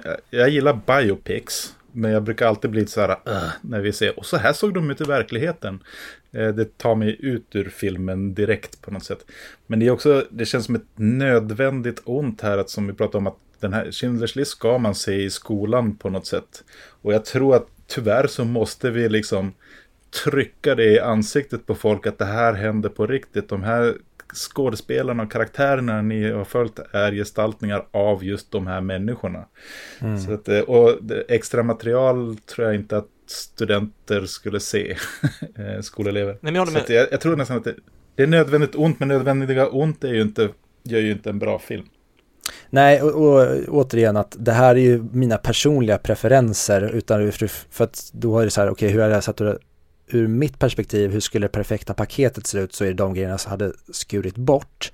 Men som du säger att, alltså, eller som jag också nämnde, att jag grät som ett barn så att det gör verkligen det den ska göra. Men bara jag, jag är mer för att man håller sig bara i den lilla världen. Samma sak med Titanic. Jag förstår vad de vill göra med filmen, att vi får se gamla Rose, men för mig hade bara, för mig hade mitt paket jag vill köpa hade varit den bara 1912-storyn på båten. Men sen en annan kritik som jag också har, men det är också egentligen också bara en liten, liten, liten nitpicking grej. Men det är när han då bryter ihop och säger att han kunde gjort mer. Jag hade tyckt det var mycket starkare om han bara hade ältat jag kunde gjort mer snarare när han börjar eh, räkna på saker. För då känns det nästan lite som att han börjar bli alltså för rationell. Jag gillar att bara känslorna tar över att han säger att liksom, I could have done more, I could have done more, eller I could have said more. Jag hade velat att han inte började räkna på saker vad de var värda utan bara ältade samma grej som att han nästan bara är i någon slags panikångestattack. Jo, jag håller med.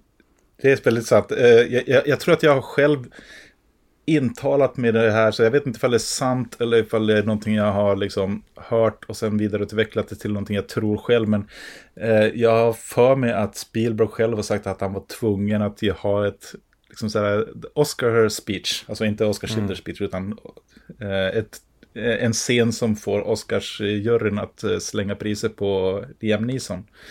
Eh, eh, och det där är en historia som har fastnat i mitt huvud bara för att om Spielberg är tvungen att klämma in sådana där scener, vem är inte tvungen att göra det då? eh, men jag vet som sagt var inte ifall det är sant eller ifall det är någonting som bara har växt i mitt eget huvud. För, för den, den sticker ut, eh, som du säger. Absolut. Det hade räckt med I could have done more. Men jag håller inte med dig, eller? Nej. Jag, jag tycker det funkar väldigt bra som det är, när han börjar räkna, för det tycker jag passar in på hans, på hans karaktär. Alltså, han har så svårt att greppa allting med sina känslor, så han försöker hitta någon, hitta någon kontroll, och kontrollen han har är att han, är att han kan räkna och göra affärer. Så den lilla kontrollen han har kvar, det är så han, det är där han håller fast vid för att inte tappa kontrollen helt. Mm. Alltså, jag, jag är lite mer Haneke på det sättet att om jag hade skrivit Schindler's list så hade det varit, eh, vad heter han nu, Ben Kingsleys karaktär? Ishak Stern. Eh, Stern. Stern ja. Så hade Stern sagt det där till honom, du hade kunnat rädda fler. För den där klockan hade du kunnat rädda så många. För den här bilen hade du kunnat rädda så många. Och bara skicka iväg Schindler med enorma skuldkänslor. Eh, men det är jag. Det är väldigt motsatsen till vad Spielberg skulle ha gjort, höll jag på att säga. Jag är nästan, jag är kanske inte att om jag hade fått välja hade det stått mitt emellan er. Men en lösning på det hade kunnat varit att han kör den här räknegrejen vid ett lite tidigare stadie. När han inser att vi har bara de här tusen och då kanske han är på kontoret med Ishak och bara så här Fan helvete, hade vi fått iväg bilen då hade jag kunnat rädda fler. Och sen så blir det som att han på något sätt kommer förbi det, tror vi. Men sen när det väl är dags att han ska gå, då kommer det tillbaka till honom i bara den här känslokanonen. Men jag, jag gillar, som du säger Fredrik, jag tycker det är bra när han börjar räkna på saker för det säger mycket. Det, det visar vem han är, den här businessmannen. Men jag hade velat att den kanske inte hade kommit när den kommer då. Där kommer jag inte gå emot det lika mycket, det, det har jag inte tänkt på. Eh, så det kan ligga, ligga någonting i det. Och jag håller med om att jag, färgen i slutet tycker jag också är necessary evil. För jag gillar att man får se men vänta det här händer faktiskt på riktigt. Vänta, vad fan är det som händer nu? Men i starten behöver de inte ha det tycker jag. Det tycker jag bara här, men vänta, varför blir det plötsligt fejdat eller till svartvitt? Jag fattar ingenting. Jo, nej men den funkar ju väldigt bra. Alltså, som sagt var, jag såg det där på mina luncher och sen eh, direkt efter det där slutet bara sätta sig framför i ett Zoom-möte med en kaffekopp. Det var sån där, "Ah, det här är så meningslöst. Torka bort mascaran.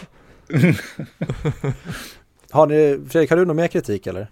Jag har snarare tips att inte se Pianisten och Schindler's List två gånger på ett år. Alltså tillsammans eller någonting. För det, är- det var typ det som gjorde, var det min, gjorde det jobbigast för mig. Att jag kände att jag var inte sugen på att se de här hemskheterna. Om vi går över till Spielberg då, för att han, han hade ju spelat in Jurassic Park innan och det är också helt amazing att Jurassic Park och Schindler's List, alltså de två filmerna kommer ut samma år är det, det är så konstigt och perfekt på samma gång och samma sak med, han Alltså- släpper ju Minority Report och ehm, Catch Me If You Can eh, år 2002 och det är också två filmer som är så otroligt olika från varandra men som jag också tycker är två i princip perfekta filmer och jag har en väldigt komplicerad relation till Steven Spielberg men när han är som bäst då är det ju få, om, inte, om ens någon, som är bättre än honom.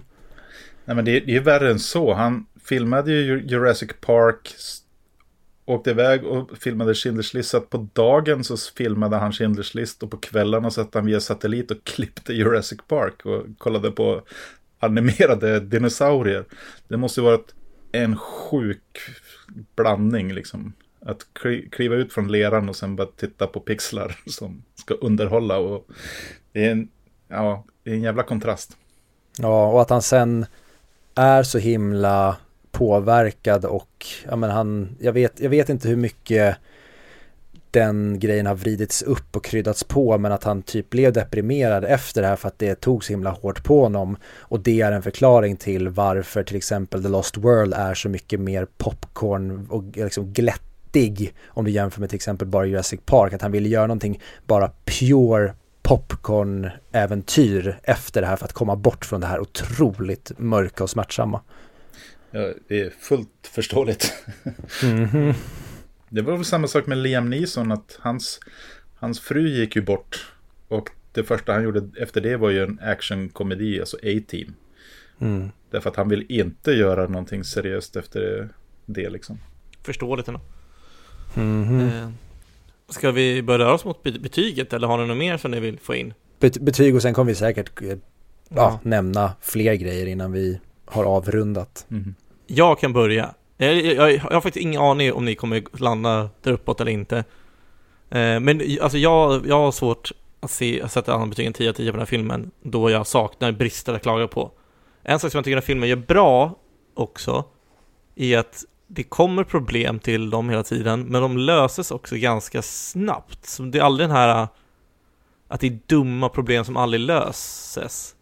Som det kan vara i många filmer, vilket jag avskyr.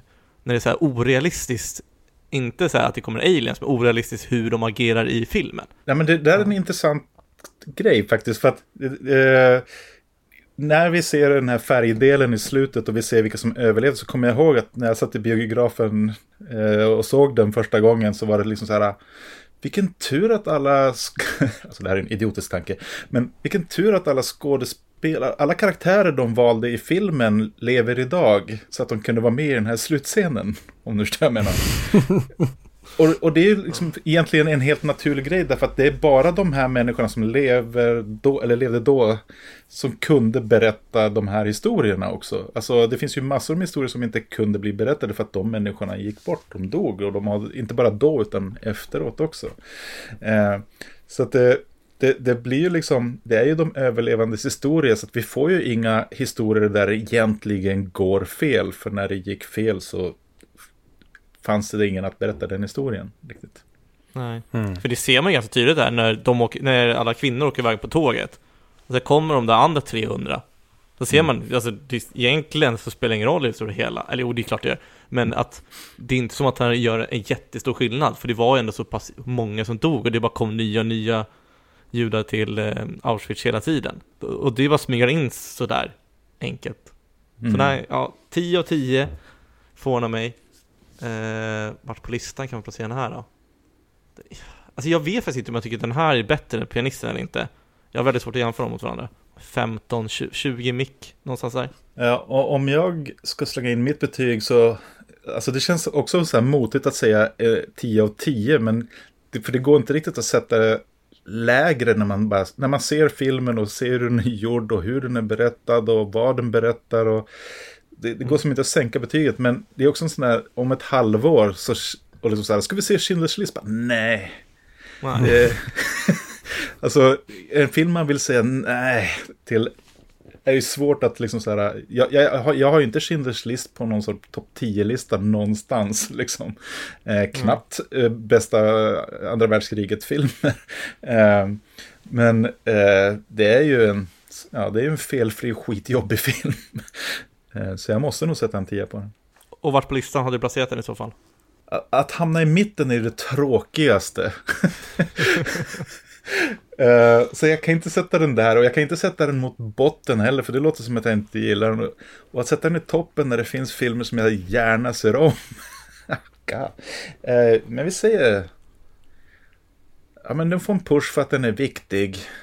Och så jag sätter den på elfte plats. Och det är ju bra då. Ja, alltså det, den, den, på riktigt, jag skulle kunna sätta den var som helst utan att skämmas. Mm. Men alltså jag tror att vikten att se den där filmen gör att den måste nästan se, när man ser den här listan så ska man se den.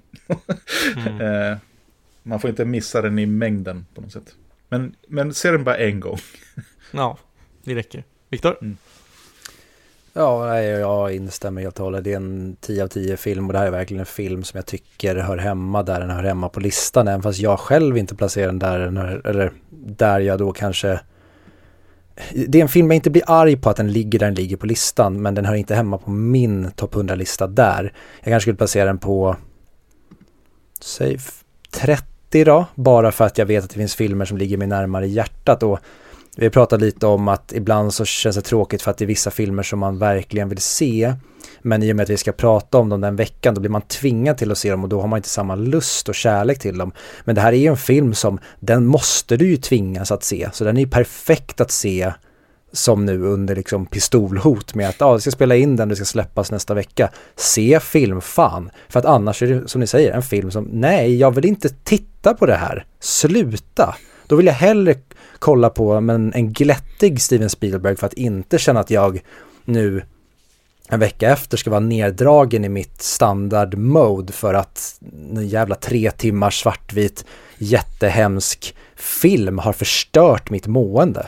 Men det säger också så mycket om filmen hur jävla bra den är för att den påverkar den så mycket. Ja, för när ni frågade mig ifall jag skulle vilja vara med här så sa, gav, gav, gav ni mig några alternativ på filmer som var kvar på listan. Och jag liksom bara hoppade på Schindler's list direkt. Och det var inte förrän efter jag hade svarat som bara shit, jag valde Schindler's list. den, kan, den kan man ju inte prata om. Eh, det är ju skitjobbigt att prata om Schindler's list. Mm. Men det var liksom bara ren instinkt. Spielberg och eh, en film jag tycker är 10 av 10. ja. Oh. Och med det sagt. Nästa vecka Fredrik, då har vi ytterligare en gäst men eh, då ska vi också prata om någonting som i alla fall är gladare än det här men jag ska inte säga att det är speciellt glatt för då ska vi gästas av Anders Nilsson en gång till och då ska vi prata om 12 Angry Men. Men säg inte de gästen nu efter Anders Jansson eh, som vi fick vara med om, eller vad det kallas, skandalen. Nej, men det sätter ju också press nu på Anders Nilsson till nästa vecka. Ja. Ta med fan, han dyker upp, annars så uh, blir jag ledsen. Och för er som vill se 12 Angry Men så går den bara att hyra och köpa och den går bara att hyra och köpa på Apple TV och Rakuten TV. Vänta, det gick bara att köpa sa du? För det, det är sjuk... Jag lyssnar aldrig när du säger det här. Så alltid när jag ska se filmen, så, vad fan kan man se nu igen då? Kan du säga det en gång till bara för mig? Fy fan för dig. Eh, den går att hyra och köpa, så den går faktiskt att hyra också. Ja. Och den går bara att hyra och köpa på Rakuten TV och Apple TV. Kan du upprepa det jag sa nu Fredrik? Man, man kan hyra och köpa på Rakuten och Apple TV. Bra! Du kan ju. Ja, men YouTube också, brukar också ha den. Det är lite lättare att streama. för jag, jag, jag gör lagliga saker när jag kollar film. Men just det, eh, som vanligt får ni gärna följa oss på våra sociala mediekanaler 100 mic podcast 100 micc Facebook, Twitter, Instagram. Eh, däremot så undrar jag Janne, om det är någon som eh, vill läsa mer om vad du har gjort eller vad du kommer göra, hur kan man ta reda på det då? Uh, ja, jag, jag, finns som Janne Fantastic uh, på Twitter Instagram. Uh, på Instagram så finns jag även som Janne Fantastic Art där jag lägger mer upp teckningar och jobbgrejer. så att där kan man ju se vad jag gör. sen vad, vad som kommer, alltså jag, jag, har jobbat på grejer sen Kung Fury men alla är hemliga. så att jag ser Kung Fury 2 Mm. Den kommer nog någon gång. ja, någon gång ska vi se den allihopa. Men vad är det du har bakom dig som är Kung Konrad? kung Konrad, alltså jag har gjort tre filmer med kung i titeln. Eh, kung Konrad är min eh, slutfilm på Dramatiska institutet som jag skrev. Som var regisserad av Daniel Valentin som gjorde Ett öga rött senare. Även, jag vet inte hur många av lyssnarna som är på Letterbox men det var ju så jag i alla fall eh, upptäckte dig Janne, det var ju eh, dina recensioner du skriver där på många filmer som jag tycker är ja, både bra men också ibland väldigt roliga. För du skriver mycket med glimten i ögat och sätter fingret på väldigt roliga saker med vissa filmer. Jag ser väldigt mycket skräp så det, det, det, det, blir många... Man, jag försöker väl kanske inte vara rolig men det finns som ingenting seriöst att säga om vissa filmer. Mm, men där finns jag också som Janne Fantastic, tror jag. Yes, men jättetack för att du eh, vill vara med. Det var superkul att ha med dig. Verkligen. Vad kul. Ja, jag, jag, hoppas, jag hoppas att det var roligt att snacka om Schindler's list. Hur hemskt den är, så ja, det var det. Ja, men precis. Du gjorde Schindler's list lite roligare. Eh, det kommer stå på min gravsten. Ja. ja men kanon. Då stänger vi kapitlet för idag då så är vi tillbaka nästa vecka och tills dess säger vi vad då Fredrik? Harakiri. Harakiri.